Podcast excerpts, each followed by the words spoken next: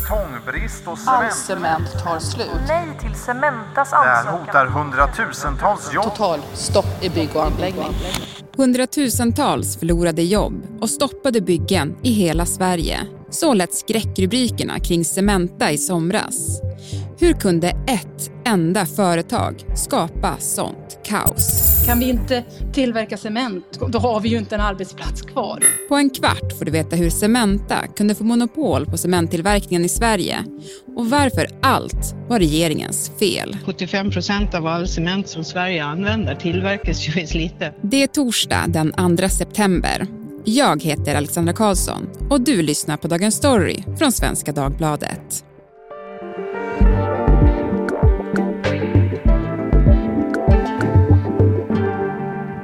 Mikael Törnvall, du är reporter på SvD Näringsliv.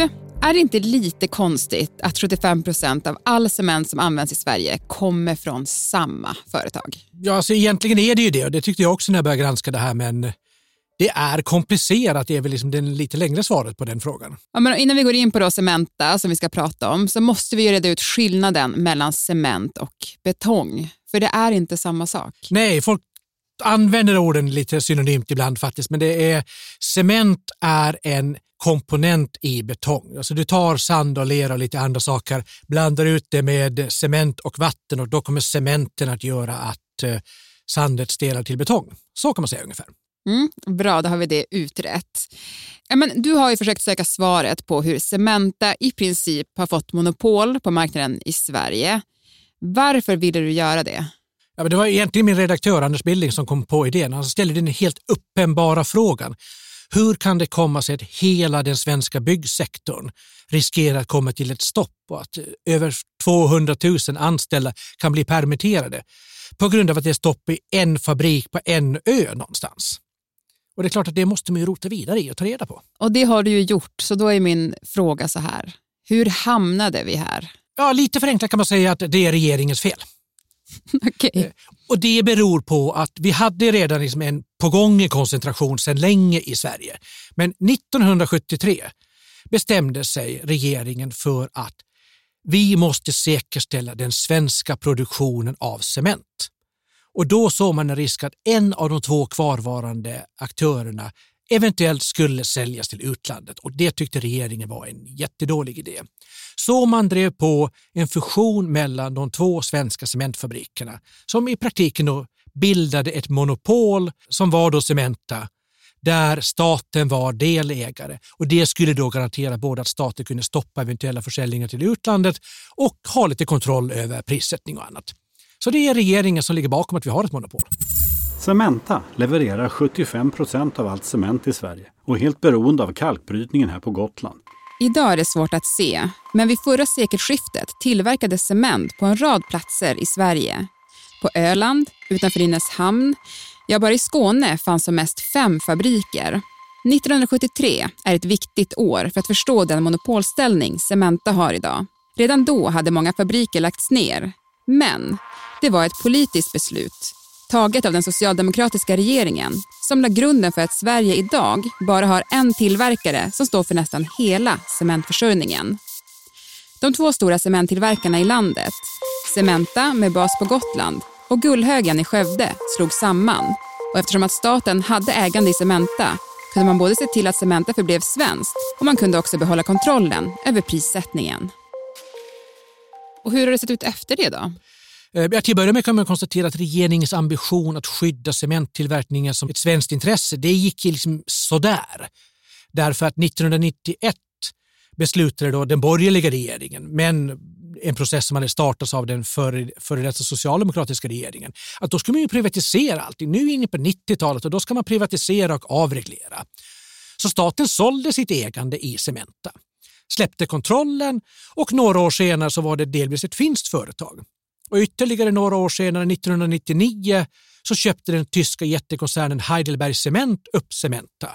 Så sedan drygt 20 år tillbaka i tiden så är det faktiskt en tysk multinationell koncern som driver den svenska cementförsörjningen. Och ganska stor sådan. Oh ja, de är om inte världens största så i alla fall världens näst största tillverkare cement tror jag och har verksamhet i 60 länder. Så det är, det är en global spelare. Men produktionen har ju ändå stannat i Sverige.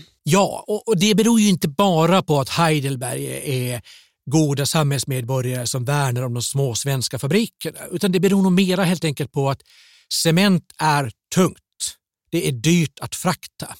Alltså lönar det sig att ha lokal tillverkning, så du vill ha en fabrik i varje land i stort sett. Och Heidelberg har då valt att satsa på fabriken i Slite på Gotland.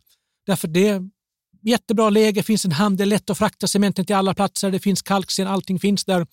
Det är lönsamt för dem att vara kvar. Du som du har kollat på det här, alltså, förstod man vilka konsekvenserna kunde bli av de här besluten? Regeringen har drivit på i en riktning som kanske inte alla ville ha. Och eh, man ska också komma ihåg att dåvarande näringsfrihetsombudsmannen, alltså det som idag är Konkurrensverket, var skeptisk till sammanslagningen just för att man ville ha konkurrens och så att den skulle försvinna. Så det fanns ju varningar både för konkurrensskäl och för miljöskäl redan för, på 70-talet. Idag då, ser man idag något problem med konkurrensen eller kanske snarare då brist på konkurrens? Ja, jag vet ju Konkurrensverket idag fortfarande säger att det är en utmaning. De granskar ju just nu faktiskt eh, byggmaterialsektorn och har liksom pekat ut att cementförsörjningen är ett sådant problem. Det finns en enda aktör och de är väldigt tydliga med att de har en otrolig makt som de pekar på. Men Cement har ju lyckats få både näringslivsorganisationerna, fackförbund och andra att berätta liksom hur, hur stort det här problemet är och det tycker Konkurrensverket i sig visar på att liksom, det är ett företag med enorm makt. Ja, och jag ska vara ärlig att säga att jag kanske inte visste att eh, Cementa stod för omkring 75 procent av allt cement i Sverige förrän krisen slog till i somras. Och när de själva också gick ut och det var så stora rubriker kring konsekvenserna. Det här att den här situationen uppdagades för mig, tror du att jag är unik i det? Eller tror du att det blev en ögonöppnare för fler hur sårbart det ändå var? Ja, du är ju absolut inte unik. Vi kan ju börja med att konstatera att det säger branschen själv att det är en ögonöppnare för dem. Och Det kan man tycka är lite konstigt, för jobbar du i byggbranschen så är det inte svårt att notera att du har bara en leverantör av cement. Men att vi vanliga som inte följer bygg och betongbranschen varje dag inte har tänkt på det här, det är ju ingenting konstigt. Cement är kanske inte det vi tänker på det första vi gör på morgonen. Och de gånger man har följt den här branschen så har det varit ur ett klimatperspektiv. Eh, cementtillverkning står faktiskt för 3% av koldioxidutsläppen i Sverige, så det är en jättestor klimatbov. Men nu har då Heidelberg Cement som äger Cementa en plan för att göra produktionen fossilfri. Och det är väl det vi har uppmärksammat för dem, det här företaget för de senaste åren. Absolut inte för risk för cementbrist. Men då byggbranschen, har de någon egen skuld i den här situationen? Ja, det kan man nog säga. Liksom, det, det tycker jag är tydligt att, att jag ser när jag har tittat på den här frågan.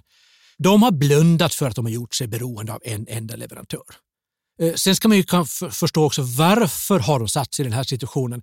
Och Det beror ju till stor del på att det är bekvämt för dem. De har varit lite lata helt enkelt. De har tagit den enklaste vägen. Och då är det så att även om cement är en ganska standardiserad produkt så är det lite små skillnader mellan olika leverantörer. Och det gör att speciellt om du gör mera komplicerade konstruktioner, alltså bygger broar och annan infrastruktur där det är jättestora krav på hållfasthet och att det ska tåla väder och vind. Då kan du inte bara byta ut från en leverantör till en annan utan att tweaka ditt recept lite grann för hur du gör betongen. Och det tar faktiskt ett tag. Det kan ta flera månader innan du liksom har hittat den där blandningen du vill ha som är lika hållfast. Och då är den, den enkla vägen det att du har en leverantör eh, som branschen säger själva till mig när jag pratar med dem. De har varit en trygg, stabil leverantör. Allting har funkat bra. Och då är det ingen som har brytt sig. Fram till nu när det slutar komma cement.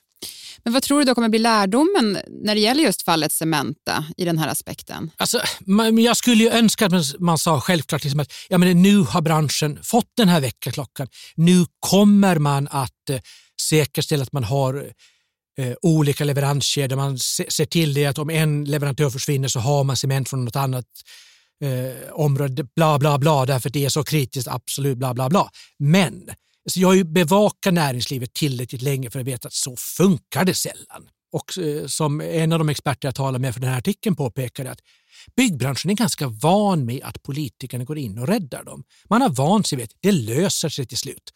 Och sannolikt gör det det här nu också för regeringen har ju redan sagt att de ska då försöka hjälpa byggbranschen. Och det är inte helt omöjligt att om vi sitter här om tre år och tittar på hur det gick så kommer man konstatera att alla ojar sig jättemycket. Regeringen gick in och räddade dem, man hittade en lösning och sen är man beroende av någon annan leverantör men sitter egentligen i samma risksituation. Ett krisläge för svensk cementförsörjning. Cementbristen i Sverige kommer skapa stora problem och 280 000 jobb är i fara. Det var i juli som Cementakrisen var ett faktum. Då kom beskedet att Mark och miljööverdomstolen avvisade företagets ansökan om nytt tillstånd för kalkbrytning på Gotland.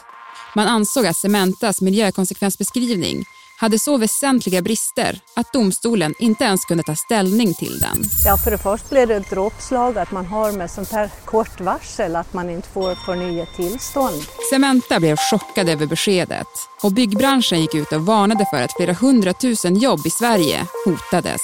Utan cement ingen betong och utan betong stannar den svenska byggbranschen. Ja, det är ju många som har sagt att eh, Cementa är otroligt klantiga och totalt inkompetenta och lämnar in en helt värdelös ansökan. Hur kunde de göra så här? Eh, riktigt så enkelt är det inte. För de experter jag pratar med så säger nog snarare så att det beror till stor del på att eh, tiderna har förändrats. Det har hänt ganska mycket bara de senaste åren på hur viktigt till exempel vattenfrågan anses vara. Och den är ju helt central i det här fallet. Hotar detta grundvattnet på Gotland? Hotar det liksom det vatten som ska se till att de här naturområdena, växterna har, har tillgång till vatten? Backar man tillbaka 74 när Cementa fick sitt första tillstånd, då var det nästan en icke-fråga. Länsstyrelsen hade väldigt lite gehör för sina, sin oro då. Men även om man backar tillbaka till kanske sju, åtta år tillbaka i tiden när Cementa nog började fundera på att vi måste förnya vår ansökan. Då ansåg man nog att de modeller som Cementa sen använde var tillräckligt noggranna för att man skulle kunna bedöma riskerna med vattenförsörjningen. Och då hoppades ju Cementa på att Högsta domstolen skulle ta upp det här, men det har de ju sagt nej till. Så vad händer egentligen nu? Det som händer nu är, precis som jag sa tidigare, regeringen går in och räddar alla. Som ett eh, andra steg så förbereder alltså regeringskansliet en tillfällig och en tidsbegränsad ändring i miljöbalken. Och det gör då att den sten som Cementa redan har tillstånd att bryta idag också kan brytas i cirka åtta månader efter den 31 oktober. Regeringen har redan sagt det att de ska hitta, men man gör lite juridisk akrobatik. Man går in och gör en tillfällig ändring i miljöbalken det öppnar för att regeringen kan förlänga Cementas tillstånd några månader. Och under tiden då så får Cementa tid att dels hitta en tillfällig leverantör av kalksten och då är det tillräckligt tur för att det finns en, en mil längre norrut. Finns det ett stort, stort kalkbrott där Cementa kan köpa kalk ett tag och sen hinner man lämna in en ny ansökan som med lite tur om myndigheterna verkligen jobbar jättesnabbt kommer kunna vara behandlad i tid för att de ska kunna fortsätta med sin cementtillverkning. Men det kommer ändå ta något år kanske? Ja, men om man lägger till de tio månader som regeringen ger dem plus att de kan driva cementfabriken en tid med cement från Nordkalk så förmodligen har de tid på sig att få igenom en ny ansökan. Sen är det ju fortfarande en öppen fråga, kommer den att beviljas? För om det visar sig när man gör lite noggrannare undersökningar att det här ställer till med mycket större problem för grundvattnet än vad man tidigare har hävdat, och den risken finns ju, ja, då kommer myndigheterna säga nej, vi ska inte ha mera kalkbrytning här. Och då är det nog eh, tack och gör med den fabriken eventuellt. Och vad händer då? Alltså, det är ju inte så att man slutar bygga hus och broar i Sverige. Det finns ju hyfsat gott om tid nu att leta rätt på andra alternativ. Sannolikt då att man kommer att hitta eh, leverantörer i andra länder. På kort sikt kanske Kina, Turkiet och det är ju inte jättebra med tanke på att det blir långa transporter med stor miljöpåverkan. Men på längre sikt hittar man förmodligen leverantörer av typ Tyskland och andra länder som kommer kunna förse Sverige med cement. Men vi kanske inte kommer att ha en tillverkning i landet längre. Ja, men till sist då, i somras gick byggbranschen ut eh, rätt hårt och sa att det här skulle slå eh, jättehårt mot hela byggsektorn, att infrastrukturprojekt skulle stoppas. I princip att hela Sverige skulle, alla byggen i Sverige skulle stå still. Eh, var det ett rimligt tonläge från dem? Nej, det var det nog inte. Så det visade sig i efterhand också när vi liksom ställde frågan efter att Högsta domstolen sa nej att byggbranschen backar ganska mycket. Man kommer inte stoppa alla byggen. Eh, och eh, Trafikverket gör ju klart att liksom, de kommer inte stoppa alla byggen. De stora byggföretagen har plötsligt svängt och sagt att vi kommer nog lösa det här. Och när man tittar och grottar ner sig lite grann så finns det ju massa lösningar på hur man ska ta sig ur den här situationen. Man kommer att hitta en tillfällig lösning på liksom hur man ska fortsätta bryta kalk där ett tag. Och byggbranschen är redan igång på att försöka hitta andra leverantörer. Så det är klart som ett vi kommer inte stänga ner Sverige. Vi kommer att fortsätta bygga hus och vi kommer att fortsätta bygga broar. Egentligen oavsett om det finns en cementfabrik på Gotland eller inte om tio år. Tack Mikael Törnvall för att du var med i Dagens Story. Tack. Dagens program klipptes av Daniel Sävström. Redaktör var Maria Jelmini. Och jag heter Alexandra Karlsson. Ljudklippen i dagens avsnitt är hämtade från Sveriges Radio Ekot, P4 Gotland och SVT Nyheter.